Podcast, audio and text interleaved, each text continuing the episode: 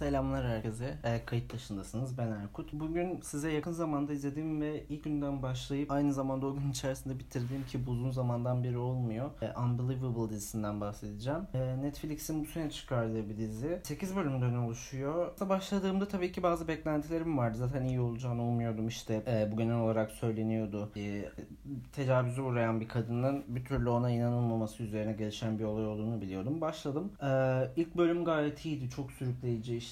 Daha sonrasında aslında olayların böyle gideceğini düşünmüyordum ama sonrasında fark ediyoruz ki bu tecavüz vakaları aslında tek değil ve bir seri tecavüz durumu var ortada ve e, dizide diğer dikkat çeken şeylerden biri eril bakış açısı ve bir kadının duruma bakış açısı. Başta ilgilenen memurlar, tecavüz mağduruyla ilgilenen memurlar erkek erkekler ve tecavüze uğrayan kişi yani e, mağduru suçlayıcı şekilde davranıyorlar. Ama daha sonrasında olayın ilerleyen aşamasında dahil olan iki kadın memurumuzun işte dedektifimizin olaya bakış açısını gördüğümüzde çok daha farklı olduğunu, farklı olabileceğini anlıyoruz ve mağdur suçlayıcılık yapmak yerine gerçekten e, beyanı esas alıp buna göre hareket ettiklerinde bir şekilde olayın çözülmesini e, sağlıyorlar. Burada aslında bahsetmek istediğim bir diğer şey de böyle bir travmatik e, bir şeyle bir şeye maruz kalmış bir insanın ne kadar e, sorun yaşayabileceği ve aslında onun beyanına inanmamanın ne kadar riskli bir hareket olduğu. Çünkü zaten bu kişi çok büyük bir travmaya uğradığı için kişiden kişiye farklılık göstermekle birlikte bunu anıları hatırlayamaması, zihnin bunlardan kurtulmaya çalışması ve büyük bir travmaya yol açması tabii ki çok normal ve tüm detayları iyi hatırlayamaması, bazı şeylerin eksik olması olması falan gayet normal işte karakterimizde de işte bazı detayları yanlış söylüyor arka arkaya. Kendisinin bir önceki verdiği e, ifadesiyle çelişiyor falan ama böyle bir travmaya uğramış birinin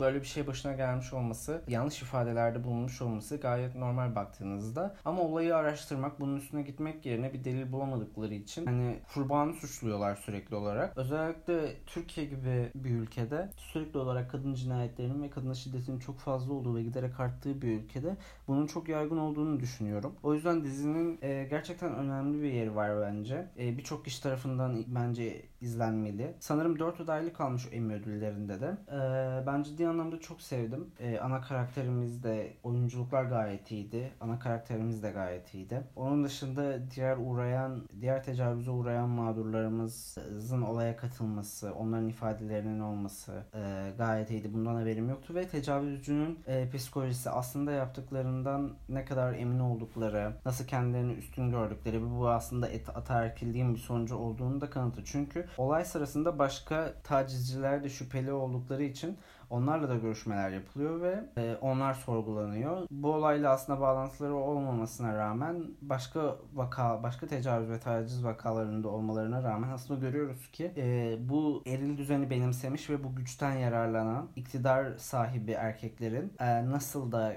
kendilerini üstün gördükleri ve kendilerini haklı buldukları, e, kadınların onlarını sebepsiz yere suçladıklarını iddia ettikleri garip bir şekilde e, ama bir şekilde de kendi e, bir şekilde de polis onlarla görüşmek istediğinde bundan şüphe duyuyorlar. E, bir şey mi var bir şey olmadı gibi. Ama bir yönden de aynı şekilde e, kadınları suçlamaya devam ediyorlar ve e, sürekli olarak o erilliğin tahakkümünü sürdürüyorlar. E, diziyi gerçekten çok sevdim. Bu diziye başlamamın bir diğer nedeni de daha sonraki podcastlerde incelemeyi düşündüğüm I May Destroy You. Ee, onun da buna benzer bir tarzı var zaten. Bugünlük söyleyeceklerim bu kadar. Unbelievable'ı izlemenizi tavsiye ederim.